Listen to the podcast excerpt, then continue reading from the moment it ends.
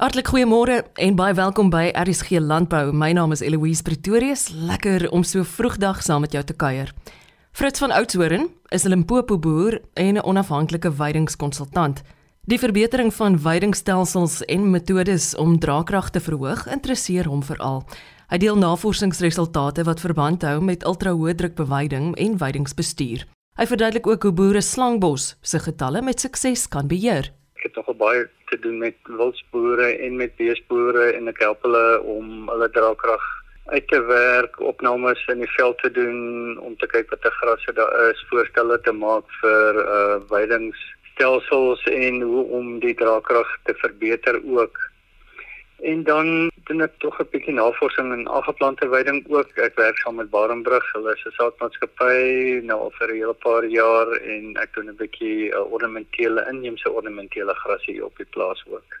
As jy praat van daar op die plaas, is dit jou eie plaas wat jy besit of is dit 'n navorsingsplaas waar jy werksaam is? Dis my plaas. Ek en my vrou se plaas is eintlik maar 'n plot, 'n 17 hektar, so is nie baie groot nie, maar dit is groot genoeg vir wat ons wil doen hierso ja. So dis 'n private plaas. Dit is nie 'n uh, instansie se plek nie. Ek doen nou al vir geruime tyd navorsing op die impak van ultrahoë druk beweiding op die gras uh, spesies samestelling en op die veldtoestand by Dani Slabbert naby Ryds. Maar ons kyk 'n bietjie ook na die inheemse blomplante die veldblomme en hoe hierdie weidingstelsel hulle beïnvloed ook. So ons het nou onlangs hier in Januarie het ons die eerste keer opnames op die die blom veldblomme ook gedoen. Ons het die eerste opnames is in 2019 gedoen uh, Dani Slabbert het met ultrahoë druk beweiding begin in 2017. Ons het 'n klompie uh, persele waar ons dan hierdie opnames doen en hierdie persele sluit in op Dani se plaas maar ook op die buurplaas waar daar 'n uh, redelike selektiewe beweiding toegepas word. So dis eintlik 'n goeie vergelyking met wat die hoë druk beweiding se impak is of se invloed is. Wat interessant is is dat die sogenaamde afnemergrasse of, miskien kan ek net 'n bietjie terug 'n stapie terugvat. Daar's 'n uh, groepering van grasse ons noem dit die, die afnemers en die toenemers of die uh, ekologiese klassifikasie van grasse. Nou die afnemers is al jou goeie grasse en hulle neem af wanneer daar oorbeweiding is en die toenemers is al jou nie so goeie grasse nie en hulle neem toe as as daar oorbeweiding is. So die afnemers neem af tydens oorbeweiding en die toenemers neem toe tydens oorbeweiding. So wat ons gevind het is dat die afnemers, die goeie grasse oor tyd al hoe meer en al hoe meer deel van die grasspesies samestelling begin maak het terwyl die buurplaas waar nou selektiewe beweiding meestal plaasvind het hulle maar baie hulle getalle baie konstant gebly in in die grasspesies samestelling. Dis een ding. En dan die tweede wat ons ook gevind het is dat die gras spesies verskeidenheid baie hoër op die by die persele waar daar ultrahoë druk beweiding toegepas word is in vergelyking met die selektiewe beweiding en dan sou ek sê 'n derde ding wat ons uitgevind het of uh, eintlik opgemerk het is dat uh, 'n uh, indringerplant in daai area genaamd slangbos uh, glad nie van die ultrahoëdruk beweiding en veral van die vertrapping hou nie lyk dit vir ons want uh, hierdie plant het om omtrent heeltemal afgeneem. Daar's baie min groot plante oor op die plaas wat druk beweiding toegepas word. So ek sou sê ultra hoë oordruk beweiding definitief 'n manier waarop die mens slangbos se getalle kan beheer.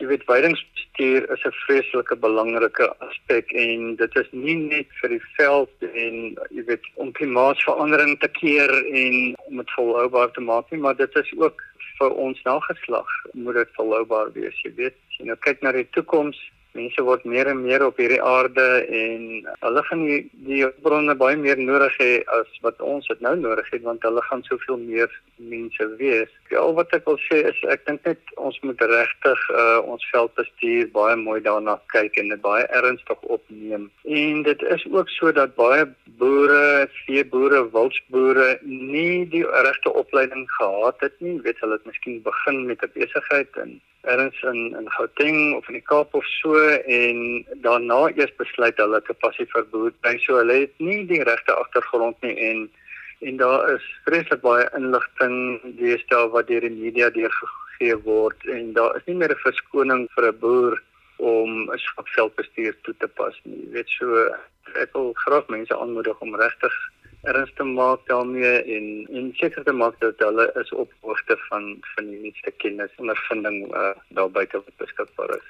Fritz baie lekker om met jou te gesels. Veronderstel ek is 'n boer wat vanoggend ingeskakel is en ek wil graag met jou kontak maak. Wat is 'n goeie manier om dit te doen? Mense kan my bel. My selfoonnommer, my nommer is 078 228 008 of mense kan vir my e-pos stuur aan Fritz met 'n S by alut A L U T of in Engels A L U T .co.za. Mense kan my enige tyd op enige van daai twee maniere kontak. So gesels weidingskonsultant Fritz van Oudtshoorn. Die Smart Agri Plan van die Wes-Kaapse Departement van Landbou het ten doel om veerkragtigheid te verseker teen klimaatsverandering. Die waarde en betekenis daarvan iets wat professor Stephanie Midgley verduidelik. Die plan is in 2016 afgesluit uh, en dit word nou geïmplementeer en ons is nou in die tweede fase van implementasie. Ja, ek dink dit is belangrik dat in 2020 is 'n uh, eksterne evalu evaluasie van die plan en die implementering uitgevoer. In die laaste jaar of so het ons baie gekyk na die aanbevelings wat gekom het uit die eksterne evaluering van die Smart Agri Plan. Dit is in 2020 afgesluit en in Januarie verlede jaar het ons 'n plan bymekaar gesit om te reageer op die aanbevelings. En ons het baie hard gewerk aan daai sewe aanbevelings en ons het daar redelik vordering gemaak. 'n Groot deel daarvan is om net weer met mense, met groeperings, met instituie kontak te maak en hulle weer net te herinner aan wat die plan is, hoe hulle kan betrokke raak en die stappe vorentoe en um, wat ons beplan in die volgende paar jare. Wat is prakties gesproke? Ek wil dit graag half sien in my geestesoog van die aanbevelings en die implementering dan nou op 'n grondvlakfase van die Smart Agri plan. Ja, die plan is so geskryf dat dit baie prakties is. En dit is nie noodwendig praktiese aktiwiteite wat ons as 'n departement landbou doen. Ons ons doen wel paar aktiwiteite, maar ons ons sien dit as 'n sektorplan en ons sien dat baie van die implementering en en die en die op die grond aktiwiteite word uitgevoer deur mense wat al reeds daar besig is. Ons boere en landbouorganisasies wat wat betrokke is en en so voort. Die plan word wel geïmplementeer op baie verskillende vlakke en die regeringsvlak is natuurlik een vlak, uh, maar baie van die praktiese dinge soos uh, bewaringslandbou, waterdoeltreffendheid, beter uh, hoër doeltreffendheid van watergebruik veral in die besproeiingslandbou en grondbewaring en die gebruik van ehm um, hernubare energie byvoorbeeld op plase dit is alles deel van die plan. Stephanie ek wonder hoe gaan hierdie inligting doeltreffend versprei word. Ja, ons is nou baie besig om te besin wat is die beste manier om veral met boere kontak te maak en te en seker te maak dat hulle die inligting kan kry in 'n formaat wat wat hulle benodig, wat hulle kan vinnig lees en besluite neem as gevolg daarvan. So ons is nou besig om ons webblad op te dateer. Dit gaan 'n baie interaktiewe webblad wees met baie baie inligting.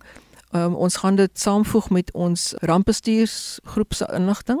So as daar droogtes is of oorvloeding so aan baie prakties waar waar kan hulle aansoek doen en so aan vir eh, vir droogtehulp en ander hulp wat beskikbaar is. Maar ook uh, meer van die langtermyn inligting. So wat is die projeksies byvoorbeeld? Wat is die wetenskap vir die Weskaap op 'n plaasvlak? Kan hulle kan kyk uh, met met die Cape Farm mappe wat ons uh, wat ons hier op uh, in die departement beskikbaar maak, um, kosteloos.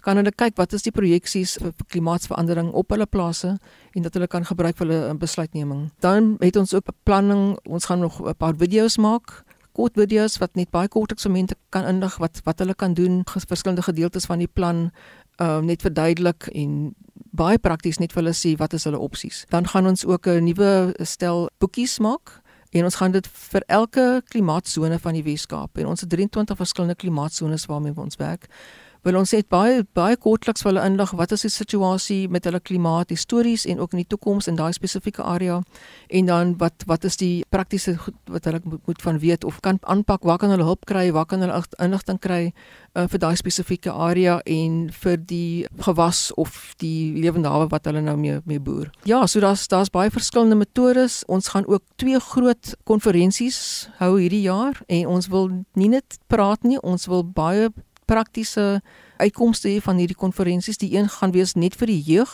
van die provinsie in landbou en ons gaan gesels oor klimaatsverandering en die wetenskap en ons gaan no, jong navorsers kry om, om die wetenskap te kom um, te kom vertel wat hulle gedoen het. En ons gaan ook vir jong boere nooi of mense wat belangstel in in landbou as dit as 'n loopbaan en wat miskien bekommerd is oor die toekoms en klimaatsverandering en, en ons gaan dit bespreek um, en wat is die hoe kan er ons positief bly? Wat is die opsies vir uh, of ja vir, vir nuwe loopbane wat miskien beskikbaar ontwikkel as gevolg van van hierdie nuwe situasie wat die wêreld in beweeg? Die jeugkonferensie gaan in Junie plaasvind 14 tot 15 Junie hier op Elsenburg.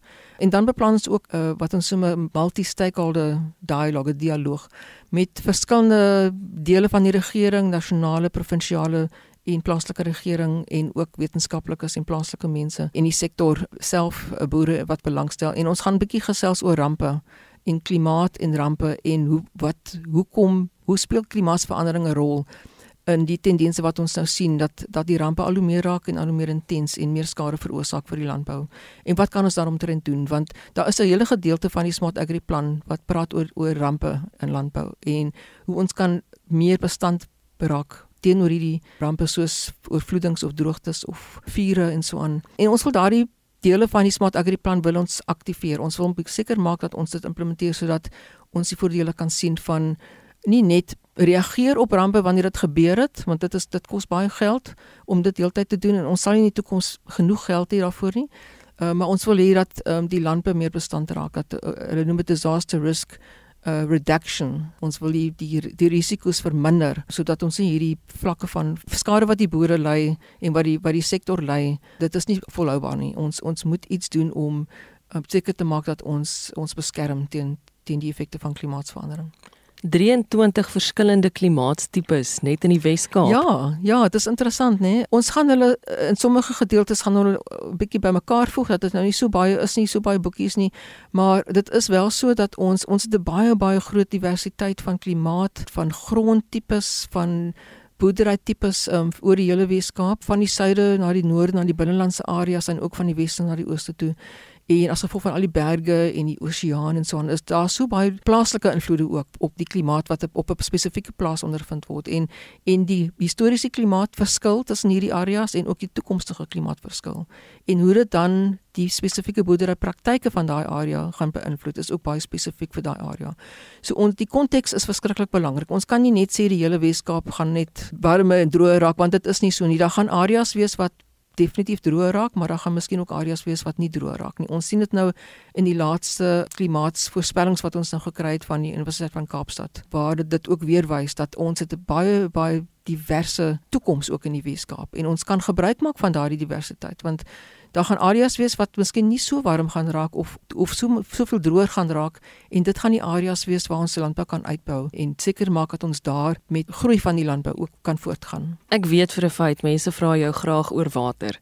Water gaan minder raak in die toekoms. Ja, nee, dit is 'n gegewe. Ons sukkel alreeds met waterbronne wat wat al te min is vir die wat ons benodig vir mense en en vir die landbou. En die klimaatsvoorspellings wys vir ons duidelik dat die toekoms gaan droër wees selfs in areas waar daar miskien die die reënvalveranderings nie so groot is nie as gevolg van die temperatuurveranderings, die verwarming gaan ons water verloor, die gronde gaan vinniger uitdroog, die water vlakke van die damme en so aan gaan vinniger meer evaporasie as gevolg van van verwarming. So ja, ons gaan minder water hê en ons gaan baie meer versigtig moet werk met die water wat ons het. Ons kan nie meer bekostig om water te mors nie. Ons moet gewasse gebruik wat minder water gebruik uh, maar wat nog altyd 'n goeie opbrengs en en goeie inkomste gaan maak ensovoorts. Ons ons moet ook nuwe bronne van water ontgin, soos byvoorbeeld grondwater.